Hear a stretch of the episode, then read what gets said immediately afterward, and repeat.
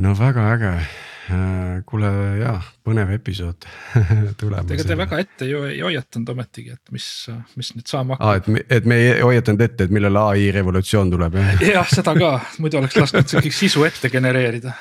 kurat, ma ei tea, ausalt öeldes me natukene spekuleerisime küll ikka ähm, alguses. ma natuke siin mängisin selle chat GPT-ga ka mm. -hmm. ja Joonatan, mul on sinu skript ka juhtumisi, ma küsisin ta käest, ma küsisin ta käest introt, sest ma mõtlesin, et prooviks täna natuke teistmoodi aga ta kirjutas sinu jutu ka, nii et ma võin sulle saata. jah, et sa tänad saatejuhti, siis on, ütled, et sul on au olla Algorütmi külaline sa oled, sa oled mitu aastat seotud tehisintellekti ja loomuliku keeletöötluse valdkonnaga, muide, kui sa juhtumisi oh. ei tea, et siis ma sulle siin ütlen. sul on võimalus olnud kogeda LLM-ide muud muutuvat võimu ning oled väga põnevil, et saad jagada oma teadmisi ja ülevaateid äh, meie kuulajatega. no eestlane küll ei ütle kui mitte kunagi, et ta on väga põnevil pigem on see, et seda asja peaks nüüd natuke uurima, tead. aga hakkame siis äh, päris episoodiga ka pihta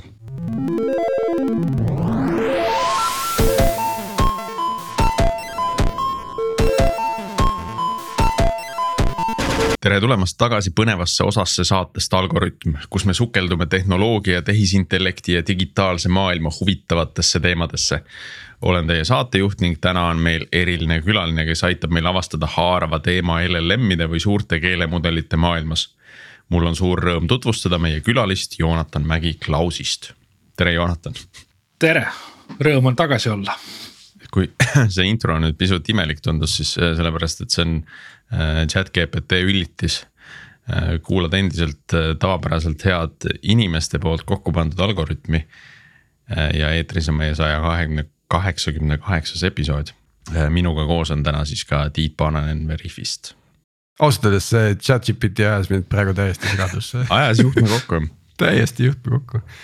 täitsa teised mustrid ma peaks ütlema, et laused on ka sellised, et, et äh, korralikult peab ikka nagu kopsu täis tõmbama, et jõuaks lõpuni mm -hmm. lugeda.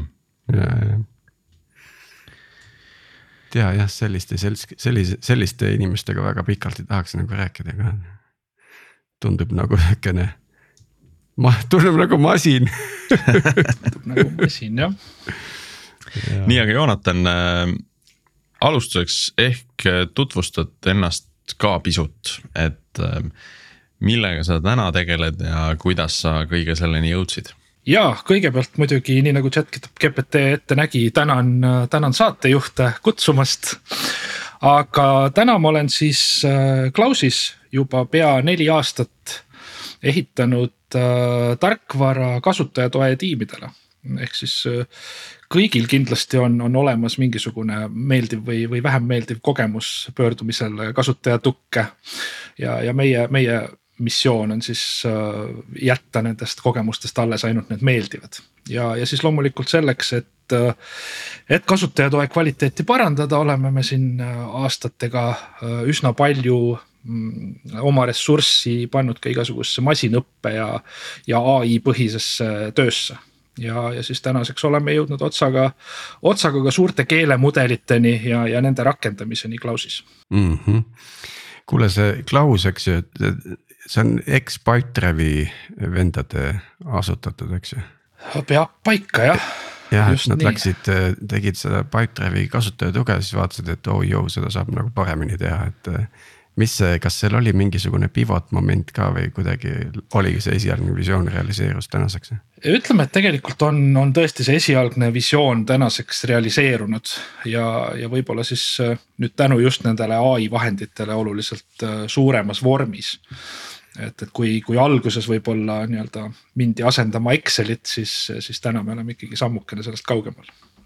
et täna juba asendate inimest jah, ütleme, et oma, oma viimaste auto QA asjadega me võime juba rääkida natukene sellest, et, et kas me siis äh, toome nii-öelda justkui tiimiliikmeid juurde või siis, või siis asendame kedagi, jah mm. -hmm. ma kohe viskan siia algusesse väikse karvapalli, et, et see on saate äh, kuulatavuse huvides äh, on, on, on hea, et õpin siin parimatelt äh,. tuleb meelde Jeremy Clarkson alati viskas mingisuguseid asju ja siis kõik vaidlesid temaga terve saate ja lõpuks läks asi isiklikuks. aga ma loodan, et see meie puhul jääb siiski professionaalseks. ühesõnaga, Jonathan, viimane asi, mida ma tahan kliendi toest, on rääkida masinatega nagu päriselt. et kuidas ma sel-, kuidas teie selle vastuolu nagu lahendate, et, et kus see confidence score nagu masinõppekeeles asub, et see, see tasakaalupunkt on nagu ausalt öeldes nad tõesti kui ma näen seda, kui ma tunnetan seda, et see masin nüüd mulle selle vastab, siis mul nagu lihtsalt ma tead, tahan nagu minna teise kohta. Tiit, sul on vaja seda emotsionaalse toe äh, inimest, kes, kes siis pärast sind lohutab, kui sa oled masina käest selle vastuse kätte saanud ja annab, pakub sulle inimkontakti Ilmselt... Il, ilmselt ka see tegelikult on mingisugune GPT-4 põhine sõber kuskil, kuskil aknas.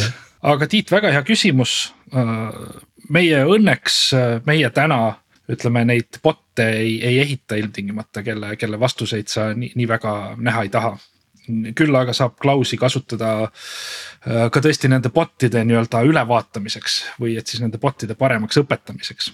aga ma arvan, et nendest bot idest on üsna pikalt räägitud siin seitse-kaheksa aastat, kuidas nad kohe tulevad ja võtavad töö ära äh, kõigilt support'i agentidelt ja lahendavad kõik probleemid ja, ja tegelikult noh, mis nad on siis teinud, kindlasti nad ongi väga efektiivsed siuksed uh, deflection'is on ju.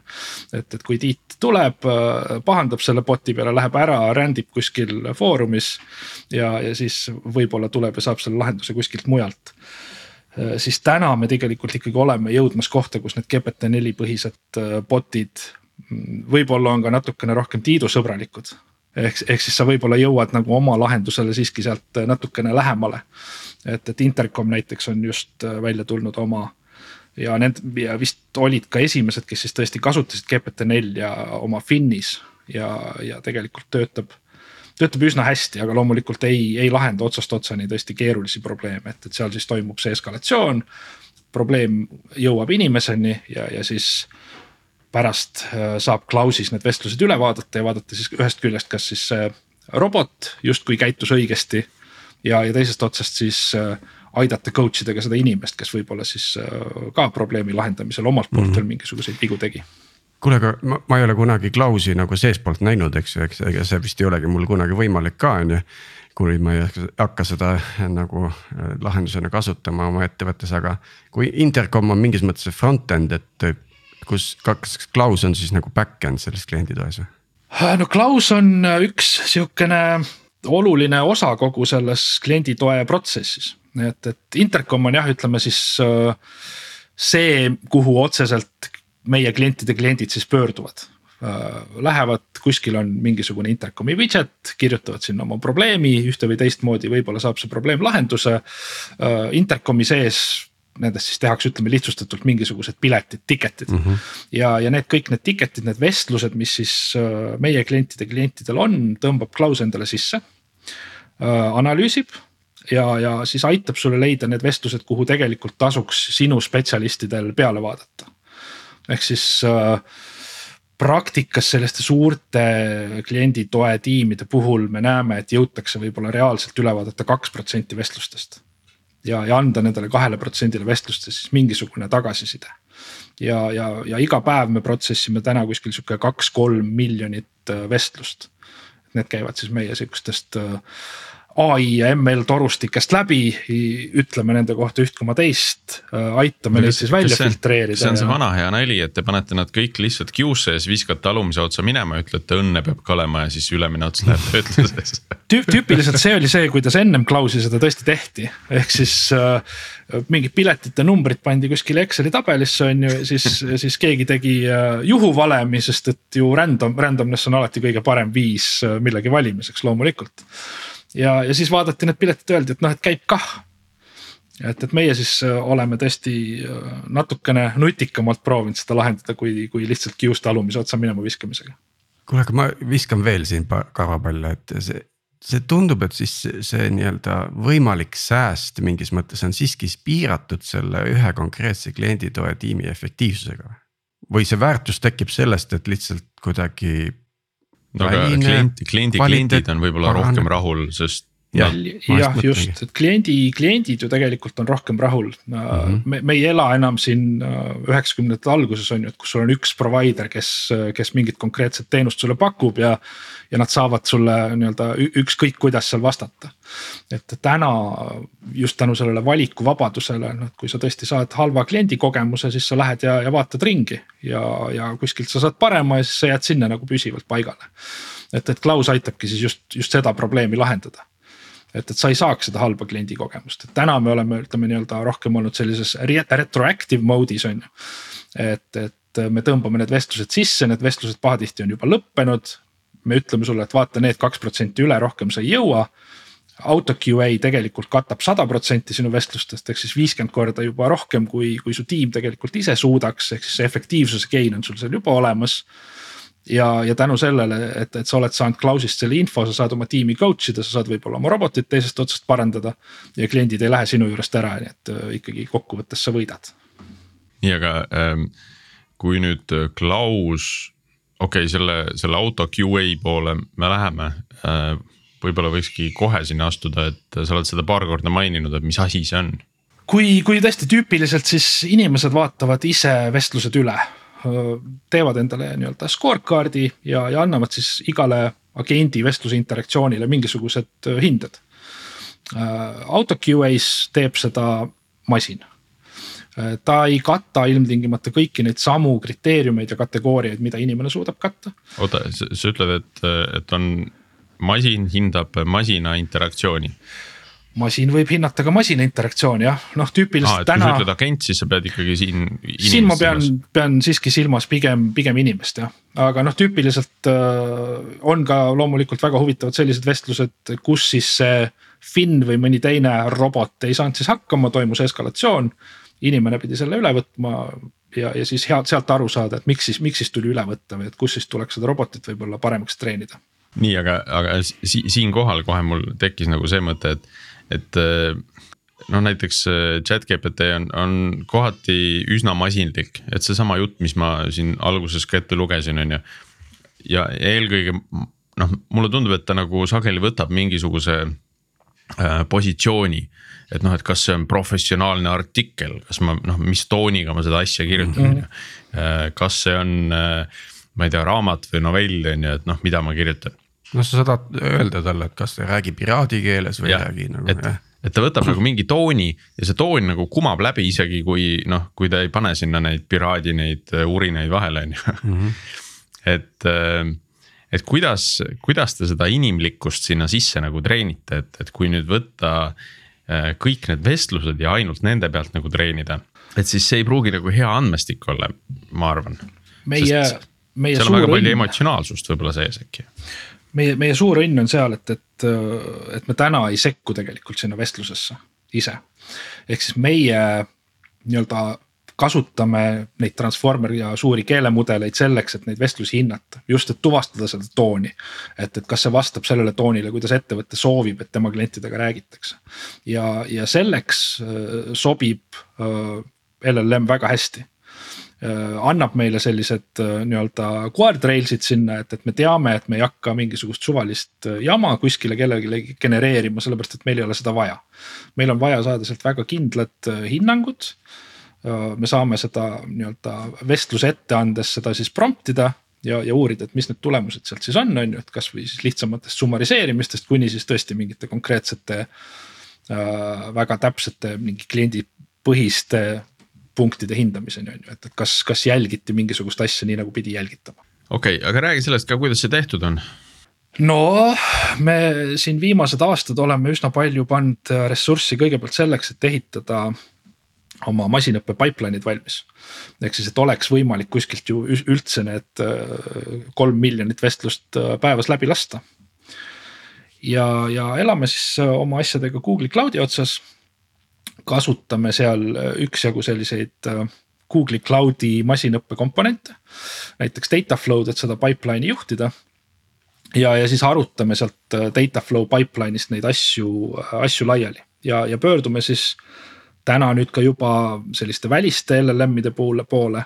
ehk siis näiteks läbi läbi Azure'i kasutame me tegelikult täna ka OpenAI mudeleid Azure'it tänu sellele, et, et selle nii-öelda see legal pool on oluliselt äh, enterprise'i sõbralikum kui, kui sedasama asja OpenAI käest otse, otse võttes on ju. ja see on jah huvitav, et nad on selle kohe algusest peale ära neilinud Microsoft. just ja, ja siis teisest küljest öö, äh, oleme olnud ka Google'i Palm kaks mudeli trusted tester'is on ju ja seda nagu otsast proovinud ja vaadanud, et kas me kas me saaks midagi huvitavat ka sellega teha Mm -hmm. ja siis loomulikult, kuna kõik enterprise kliendid tegelikult ei taha OpenAI-st midagi kuulda, on siis ka meil selline oma Klaus GPT.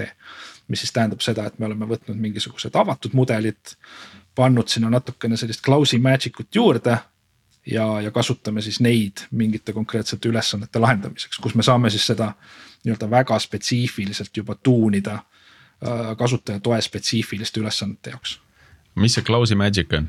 Klausi Magic äh, noh, võib-olla ongi sihukene natukene võib-olla ühest otsast fine tune ime, teisest otsast tuleb õigesse kohta võib-olla mõni regex juurde kirjutada hoopis on ju. et, et see, see nagu sõltub, et sa ei pea minema kohe et, et treenime kõigi vestluste pealt, mida Klaus kunagi näinud on hästi kallilt mingisuguse oma, oma suure keelemudeli, et, et, et seal me veel ei ole. ja, ja sisend on praegu ikkagi tekst sisend on, on praegu tekst ja, ja tegelikult ju ega siis needsamad äh, telefonivestlused ju muunduvad ka ühel hetkel tekstiks, on ju. et täna me oleme kohas, kus me tegelikult ei pea seda speech to text ise tegema, vaid mm, -hmm. vaid hästi paljudest sellistest call center'i tarkvaradest tuleb ta juba teksti kujul nii-öelda transkribeerituna tagasi. seal siis sõltub nagu sellest lihtsalt, et mis see, mis see kvaliteet on, on ju ja et, et mis on see, mida me tahame analüüsida, et kas, kas see kvaliteet on selleks piisav.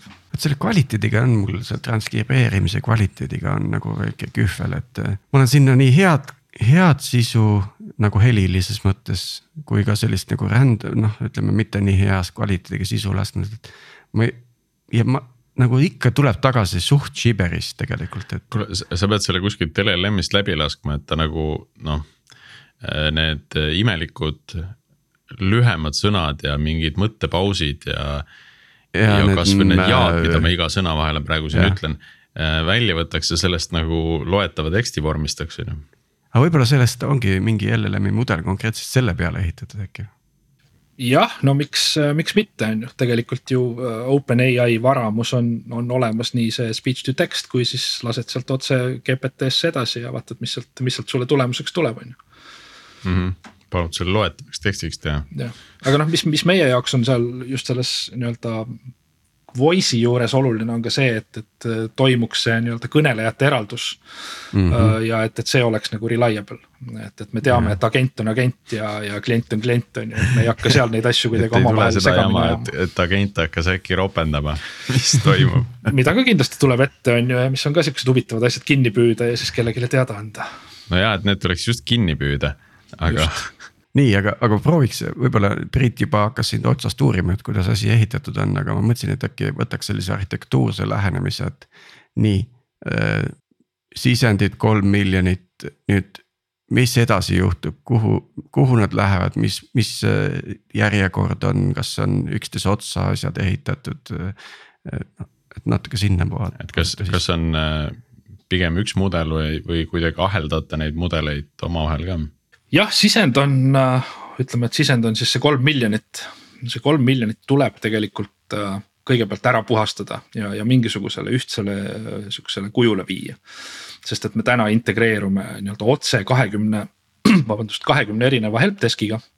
kõik nad kasutavad neid andmeid üks, üksjagu erinevalt. erineva helpdesk'i tarkvaraga. just mhm. just mm -hmm. ja, ja sinna lisaks siis meie oma nii-öelda ka API-d veel, kuhu siis klient saab oma custom data't nagu saata kui tal on aja sees midagi valmis ehitatud. ehk siis me võtame selle ja oleme üsna palju pannud äh, aega selleks, et, et olla võimelised seda, seda kõigepealt puhastama ja ühtlustama. et seal ei ole ainult see, et sul on kakskümmend erinevat äh, helpdesk'i tarkvara, vaid sul seal iga helpdesk'i tarkvara sees on ka mitmed erinevad kanalid, küll chat, küll email, küll tuleb mingisugune esimene asi kuskilt vormi kaudu sisse. Äh, siis nad liiguvad nende erinevate meediumite vahel seal edasi-tagasi et, et see kõik ühtsele kujule viia, et, et see oleks üldsegi midagi, mis on, on mingi mudeli pealt kuskilt äh, tarbitav, on ju. et äh, küll seal on siis emaili thread'i unrolling ut vaja teha, et, et sul sealt mingid kordused ära korjata ja kõik muu taoline. ja see tähendab seda, et teie, teie see liides peab olema ikka päris robustne, et ta nagu võtab igasugust kraami vastu meie peame jah, kahjuks igasuguse, igasuguse kraamiga tegelema, et äh, tõesti hästi lühikestest sellistest nii-öelda ühesõnalistest või, või mingisugustest emoji dest, mis tulevad kuskilt kellelegi vastusena, on ju. ja, ja siis teisest Katki, küljest. Äh, sad face. Sad face on ju ja teisest küljest siis äh, noh, sellised pahatahtlikud, kus keegi on tõesti nii-öelda piiblipikkuse teksti seitse korda kuskile vormi sisse paste inud ja selle äh, support'i poole teele pannud, on ju.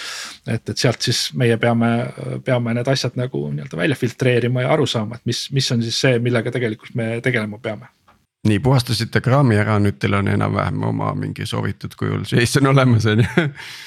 just, et, et paneme need kõik äh, mitte ilmtingimata JSON-isse, vaid me kasutame sisemiselt siis oma queue'des äh, protobuf'i.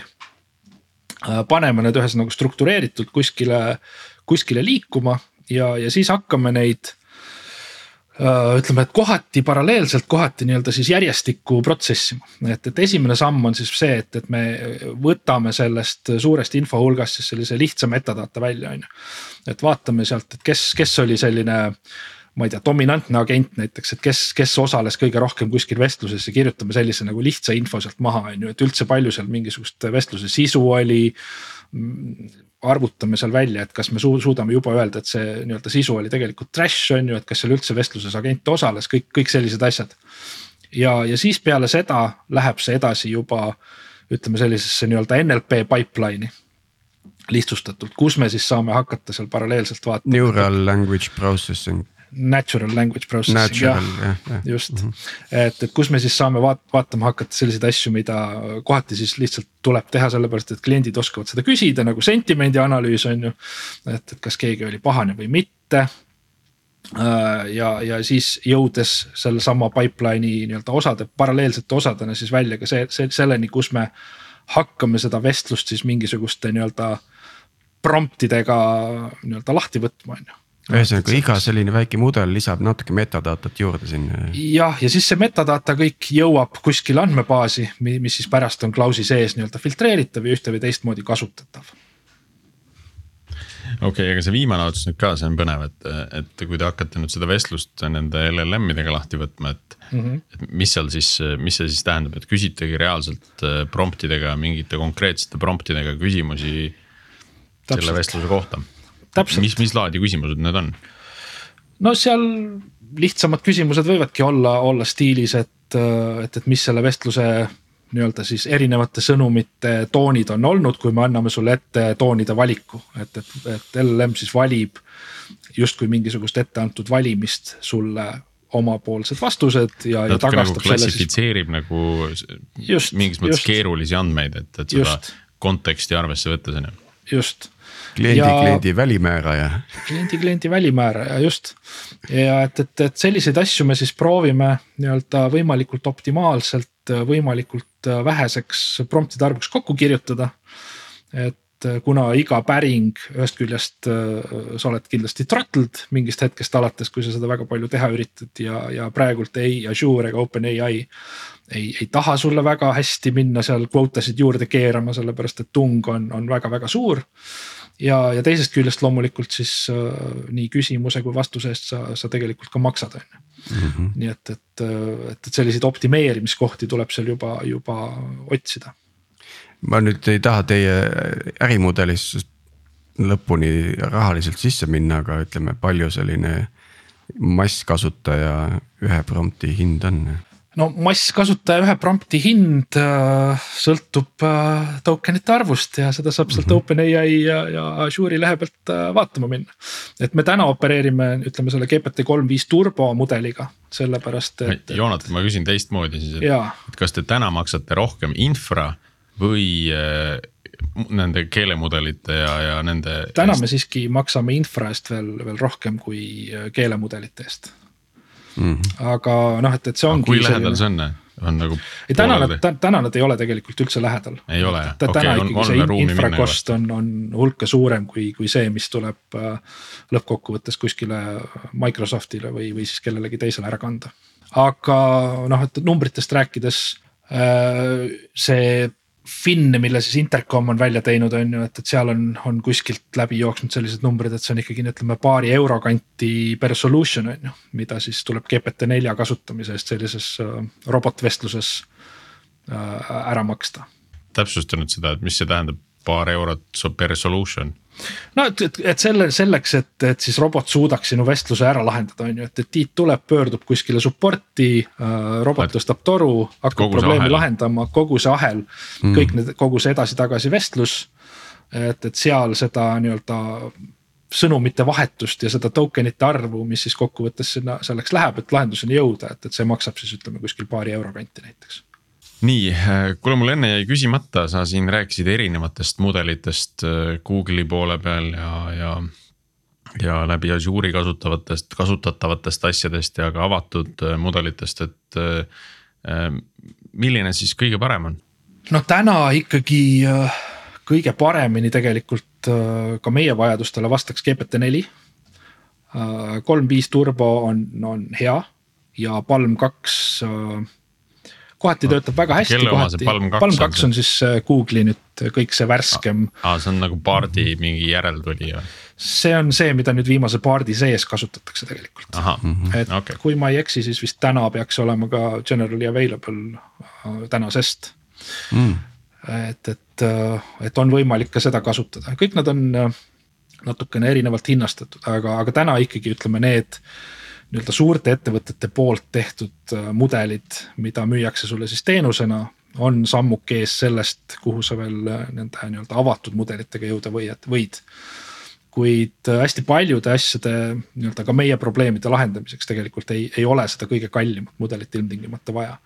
et, et seal hästi suur vahe võib-olla just ongi sees selles osas, kuidas seda generatiivselt kasutada, kui me kasutame seda nii-öelda hindamiseks, klassifitseerimiseks mm, -hmm. oleme sinna otsa ehitanud ka mingisugused äh, sellised oma filtrid ja, ja, ja siis oma süsteemi selleks, kuidas siis see klassifikatsioon näiteks mingisuguseks äh, numbriliseks hinnanguks konverteerida, siis, siis tegelikult saab ka oluliselt lihtsamate mudelitega hakkama. ehk siis sealt mm -hmm. Avatud poole pealt tegelikult me olemegi Äh, näiteks Google'i D5 arhitektuuri peal olevaid mudeleid kasutanud, mis siis. ütleme selline, kui sa palud tal nii-öelda vestlusesse sekkuda, siis ta kindlasti oleks äh, kohutavalt halb et, et siis, siis, siis sellega ei oleks nagu midagi teha, aga, aga klassifitseerimiseks töötab nagu väga hästi. ja, ja see on midagi, mida sa saad tegelikult üsna efektiivselt ka ise jooksutada. no see, see on nagu uh, see on selline väga, väga kõva ülesanne kõiki neid kvaliteeti mõõta, kategoriseerida ja õigele asjale õige nagu töö anda mingis mõttes, et. et kuidas see, kuidas see nagu arendaja peakujule mõjub, et või, või kas me saame üldse siin arendajast rääkida ikkagi äkki masinõppeinsener kui selline. siin on, siin on pigem jah äh, pigem meil siis masinõppeinsenerid ja, ja andmeteadlased, kes mm, -hmm. kes siis selle poolega tegelevad ja neid asju katsetavad, on ju ja, ja noh, kohati on, on hästi lihtne, et, et mis on, mis on need ülesanded, mida meil on vaja lahendama minna, noh võtad kasvõi GPT-4 ette, ütled talle, et anna mulle mingisugused kategooriad, mille põhjalt võiks, võiks nagu vestlusi hindama hakata. teisest küljest me oleme, oleme sellises kohas, kus me saame vaadata, et mis on, mis on need tuhat klienti hinnanud nagu inimeste poolt, on ju. ehk siis vaadatagi, et mis on need top kümme, top kakskümmend kategooriat, mis tegelikult inimeste jaoks olulised on ja, ja hakata sealt otsast siis arutama, et okei okay,, et kui inimesed ikkagi hindavad äh, tooni või, või seda, et kas vestlus on korralikult lõpetatud või et kas on, on korralikult nii-öelda inimest tervitatud personaliseeritult ja nii edasi ja siis hakata mõtlema, et kuidas, kuidas siis seda lahendada, et, et äh, greeting'u esimene lahendus võib sul olla noh regexiga tehtud, et sa ei pea sellepärast äh, võib-olla sente ja, ja dollareid kuskil kulutama, et LLM-i käest küsida, et kas tervitus oli või mitte, et, et saab, saab ilmselt lihtsamalt aga teisest küljest juba tooni jaoks äh, ja et, et seda tooni nagu hästi teha, võib-olla mingis kohas on, on otstarbekas pöörduda suure keelemudeli poole. ja, ja siis ei ole muud, siis tuleb prompt engineering. jah, sul on kolm ülesannet, eks ju, kas äh, lahendan tarkvaraga, toetudes mingisugusele nagu ekspertpuule või sellisele valida õige nagu ma isegi ei oska seda kirjeldada mm -hmm.. no ühesõnaga teha mingi, teha mingi valik teha mingi ilma jah, ilma meeletult nagu mingit ressurssi kasutamata, on ju. siis teine on see, et lähed, kasutad seda teenust kuskil LM-ilt, küsid midagi, on ju. ja kolmas on siis see, et, et jõu, et see on sihukene asi tegelikult, mille peale me saaks oma mudeleid treenida, me ei pea raha raiskama nagu selle välise LLM-i peale. just, täpselt nii. ja, ja noh, nüüd täna tegelikult ütleme, et ilmselt ei ole otstarbekas minna nagu nullist oma mudelit treenima, vaid me pigem siis räägiksime juba mingitest fine tuning utest on ju. et mm, -hmm. et, et siin tõesti hiljuti näiteks ka äh, lansseeritud Falcon mudel, mis tuli vist Abu Dhabi mingisugusest ülikoolist ja, ja nii edasi, et tegelikult. see kvaliteet juba sellistel avatud mudelitel, mida sa võid ka kommertsiaalseteks eesmärkideks kasutada, on, on ikkagi nagu väga hea. et, et see pauk, mis käis peale seda, kui äh, kui, kui metast äh, need, need asjad nii-öelda äh, just, justkui lekkisid, on ju. Äh, et, et kõik seal laamast, laamast edasi läinud arendused ja kuidas seda on siis reverse engineer itud või siis uuesti loodud ja kõik, mis seal ümber on. et, et see tegelikult loob sellise hea põhja, kuhu, kuhu peale saab vajadusel hakata ka midagi lihtsalt fine tune ides ehitama oota, räägi korra sellest, see on kuidagi minust mööda läinud, ma ei tea, kas Priit, sa tead sellest case'ist, mis seal, mis seal toimus?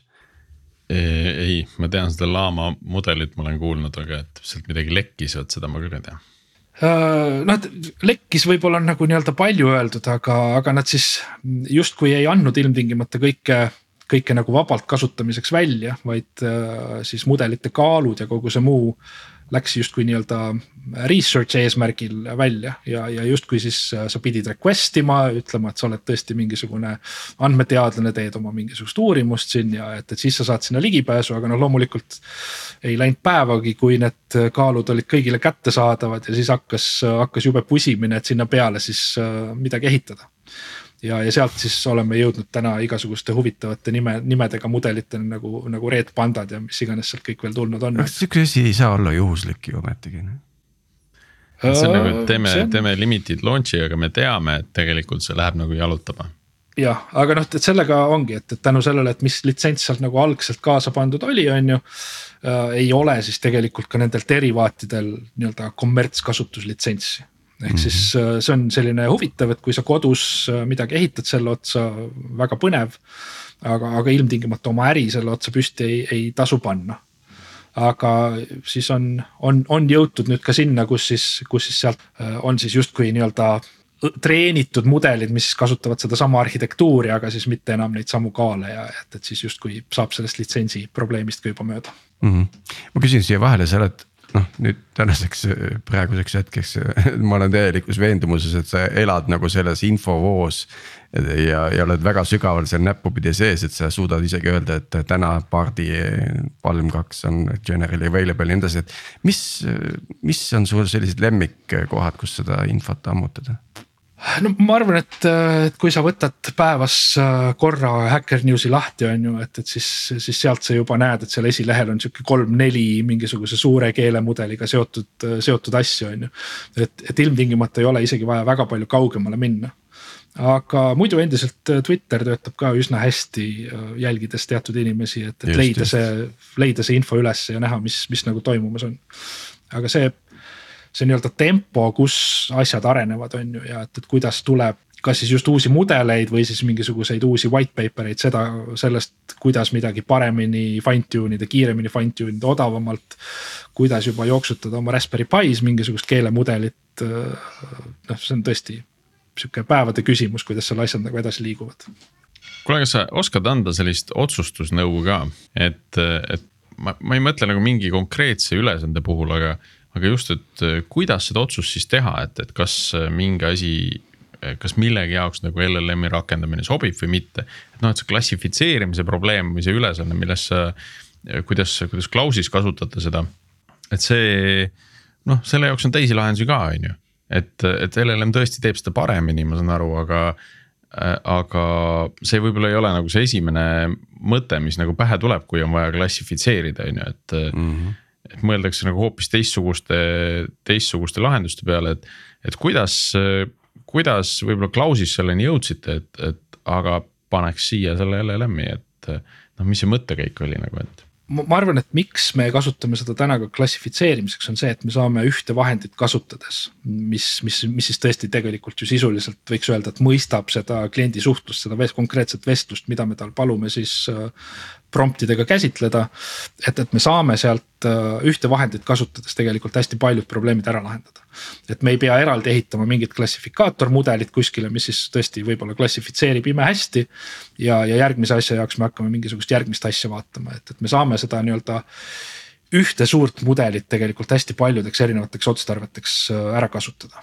ja, ja see siis lihtsustab oluliselt seda, et kuidas, kuidas see kogu pipeline meil ka välja näeb.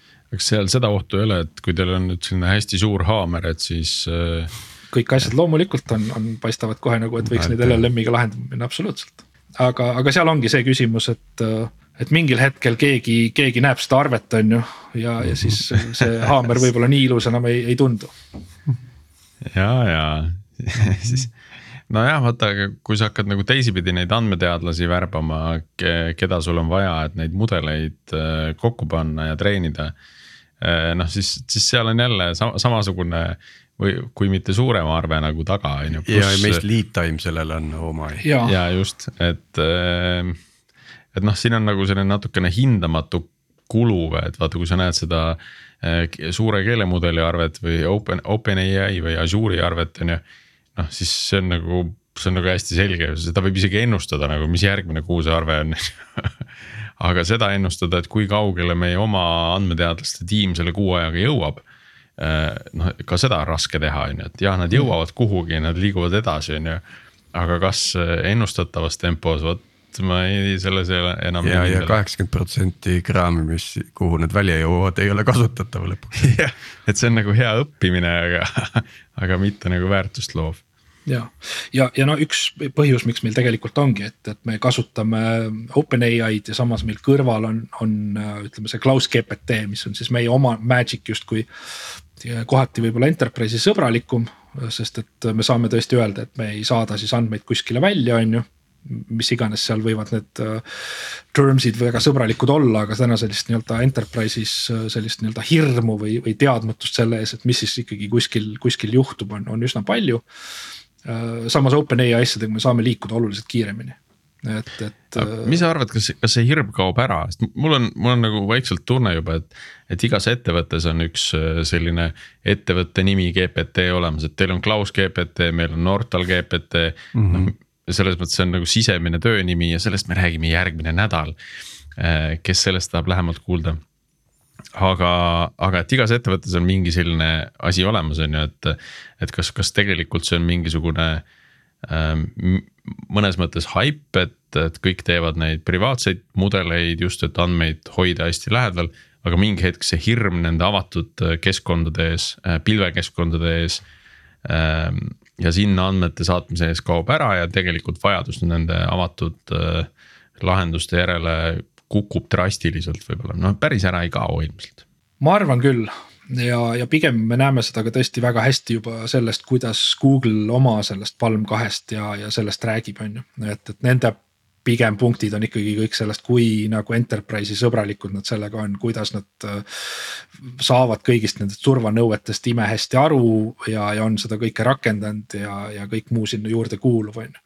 no et, et, et kust, kust see hirm võib-olla selle OpenAI juurest tulebki, ongi see, on ju, et, et kuskil oli mingisugune vorm, kuhu inimesed said siis nii-öelda, inimene tänavalt tuli, kirjutas midagi sisse see võeti kõik nagu õppematerjalina kasutusele, keegi ei tea, mille pealt see alguses treeninud on, kuskil on mingisugused inimesed olnud, kes on saanud väga vähe raha selle eest, et sinna seda human reinforcement'i siis panna ja seda õpetada, on ju. et, et siis kuskil sellises äh, kõrghoone CIO äh, ruumis inimesed on hirmul, et mis, mis siis nagu saama hakkab, on ju, et kogu see generatiivne värk on väga-väga hirmus no ma nüüd ei mäleta, kas me rääkisime sellest korra eelmises episoodis ka, aga ma mäletan, et ma rääkisin sellest enda, enda kolleegiga, et, et noh hoolimata sellest, et see litsents ka Microsoftil on väga range, et nad ütlevad, et nende andmete pealt, mis mina saadan neile, nad ei õpi, eks ole.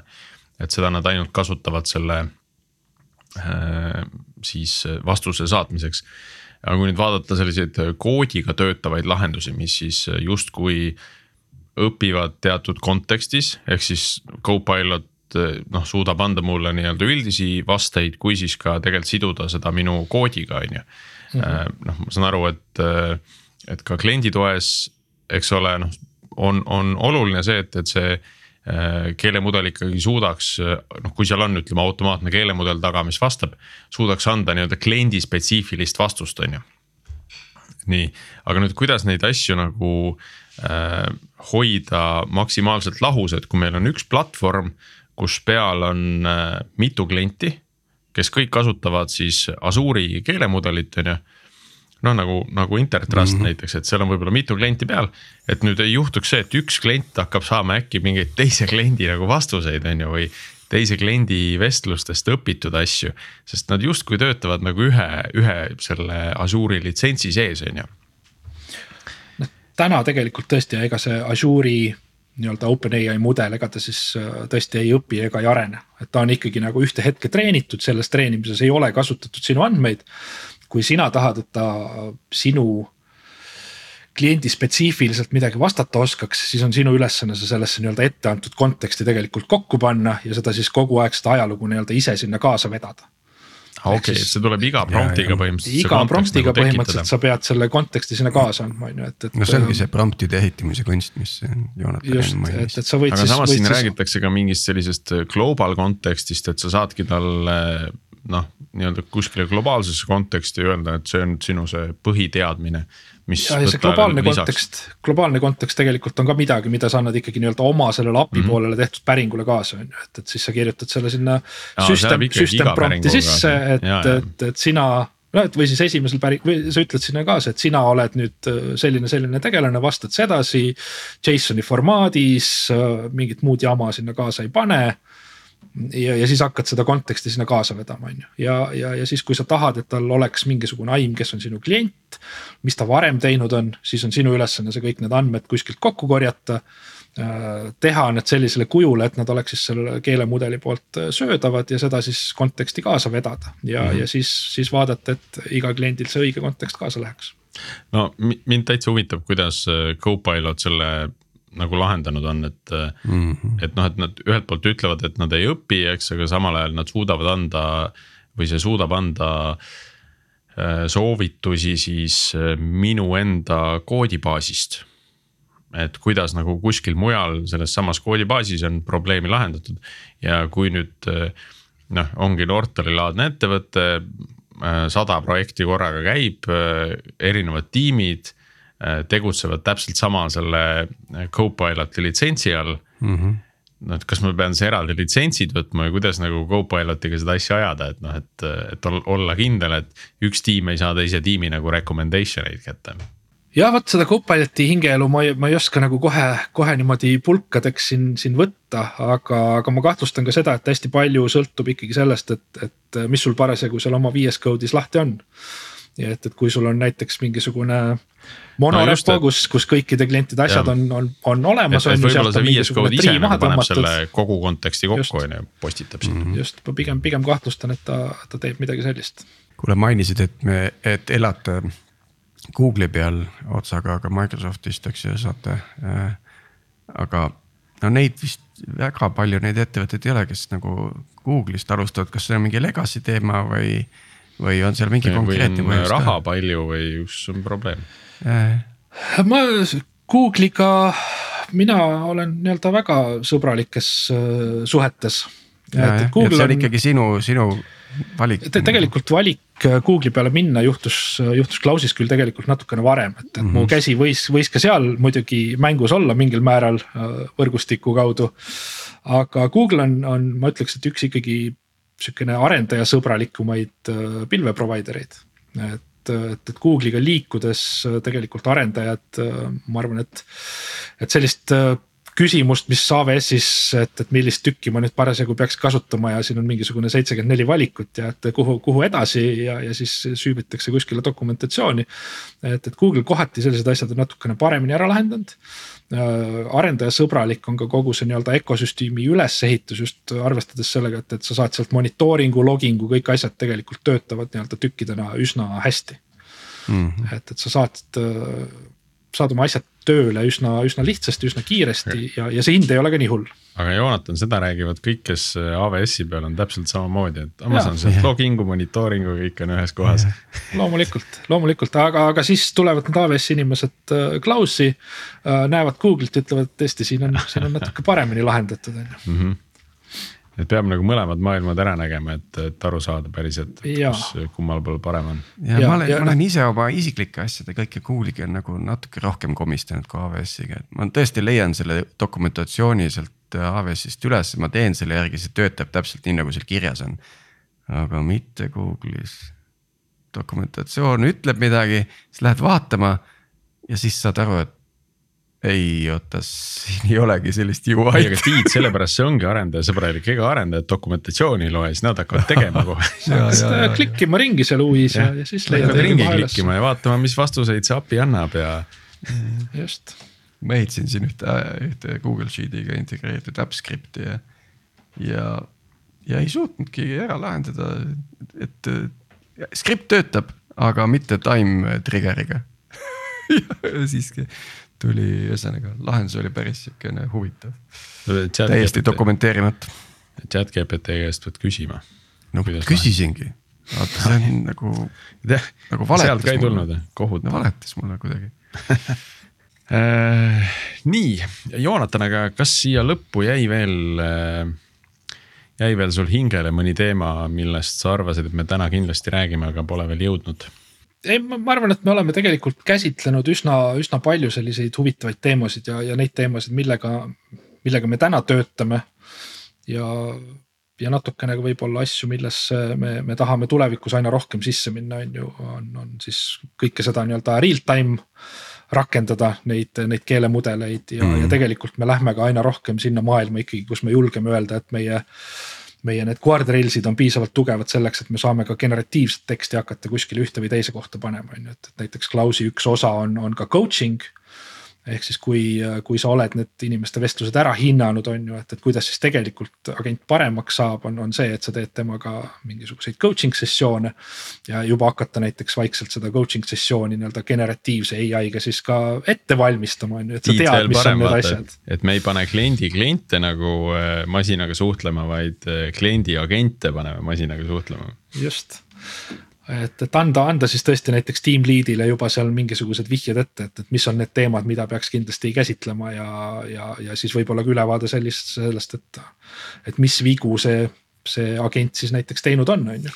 see tavapäraselt... on ikka väga-väga kummaline maailm, mis meid ees ootab, selles mõttes, et äh, siin on natukene ikkagi seda sentimenti meil tuleb läbi, et, et räägid mänedžeriga äh, ja siis ta tõstatab mingi teema, on ju, siis ta, ta, ta, aga, aga, aga kust sa seda tead või kes seda ütles? mänedžer ütleb, kuule masin ütles.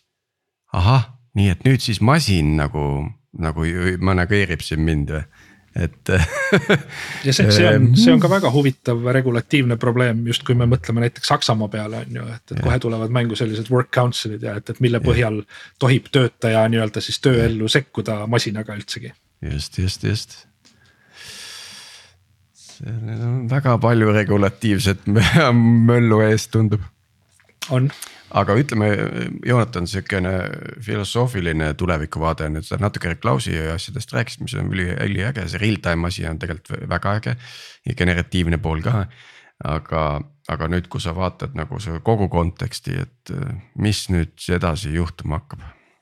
no edasi juhtub see, mida me ka natukene nagu näeme, on, on ikkagi tõesti see, et, et masinad. Äh, ja, ja, ja siin juba siis inimeste poolt teadlikult üritatakse leida neid kohti, kus, kus siis masinad panna tõesti inimesi asendama, on ju. ja, ja oma customer support'i maailmas me oleme oleme kindlasti kohas, kus me seda võib-olla näeme rohkem või, või siis kiiremini kui, kui paljudel teistel elualadel. sest et nii OpenAI kui, kui paljud teised, kes, kes täna neid suuri mudeleid ka treenivad, nende arendusega tegelevad. on, on ka tõesti ise customer support'i ühe sellise nii-öelda teemana välja toonud. ja noh, ükskõik kui, kui ilusat juttu need bot'i ehitajad seal räägivad, et küll need inimesed siis äh, liiguvad mingisuguse nii-öelda tähtsama töö peale ja hakkavad seal knowledge base idega tegelema ja nii edasi. aga ma arvan, et mis, mis praktikas juhtub, on ikkagi see, et, et vähemalt korraks käib sealt nagu mingisugune nõks läbi ja, ja mingisugused inimesed võib-olla jäävad öö, äh, otsima uut tööd või ja, jah, siirduvad tootvamale tööle.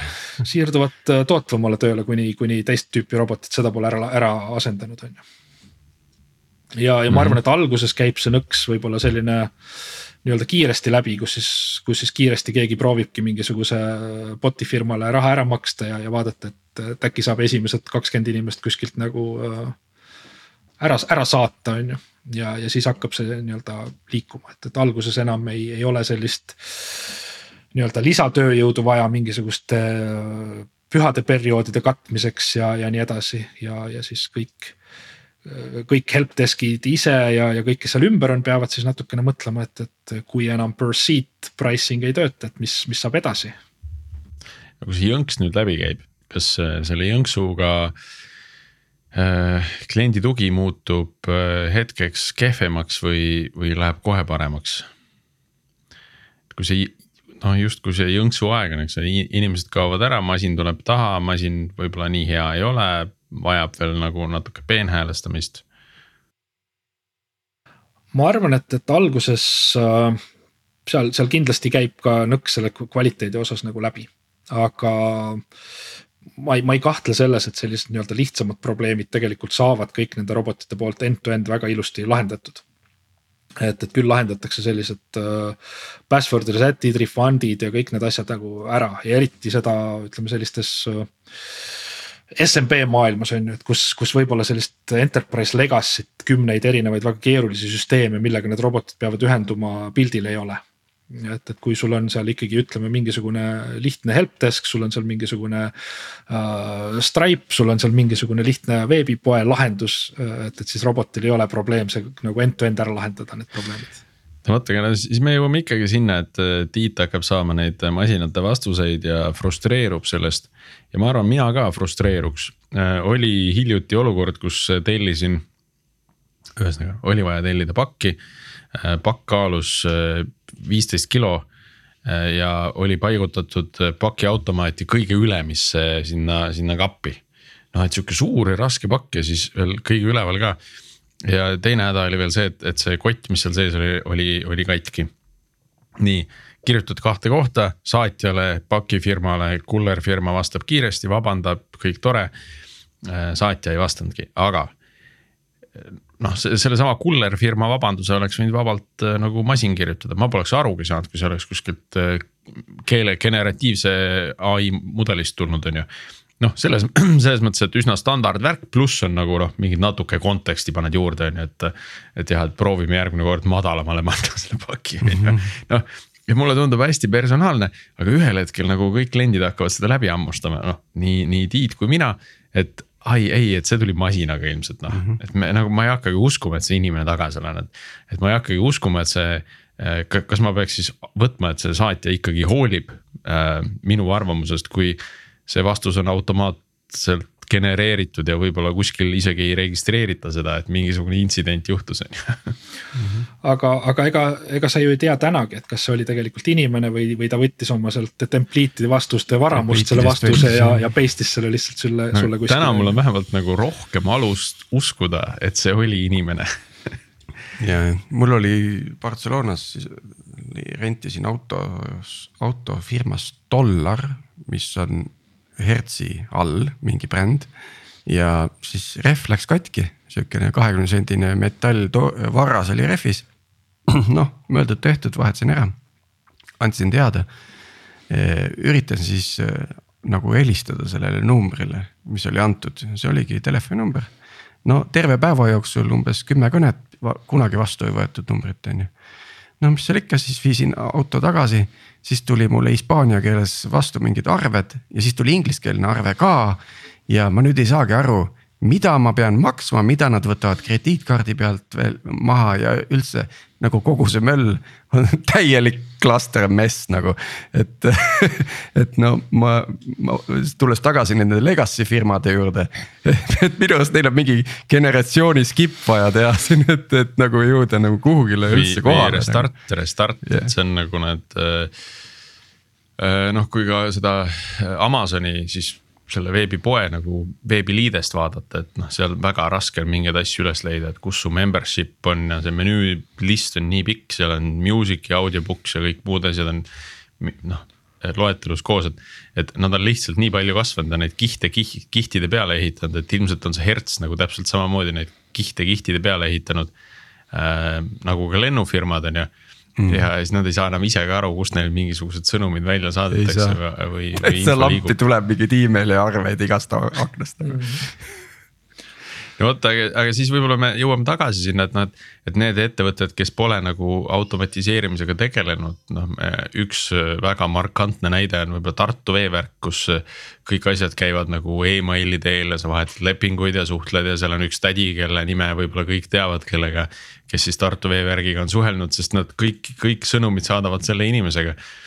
et et noh, et nad muutuvad jälle nagu hinda, sest ma tean, et ma saan selle inimesega suhelda sest seal ei ole nagu mingit automatiseerimist ja kõik asjad käivad emaili teel ja, või telefoni teel on ju. et, ähm, et on hoopis nagu teine vibe. no tore. no nii, saime siin kõvasti rändida ka lõpus. rändida, väike ränd kergem olla kohe, uh.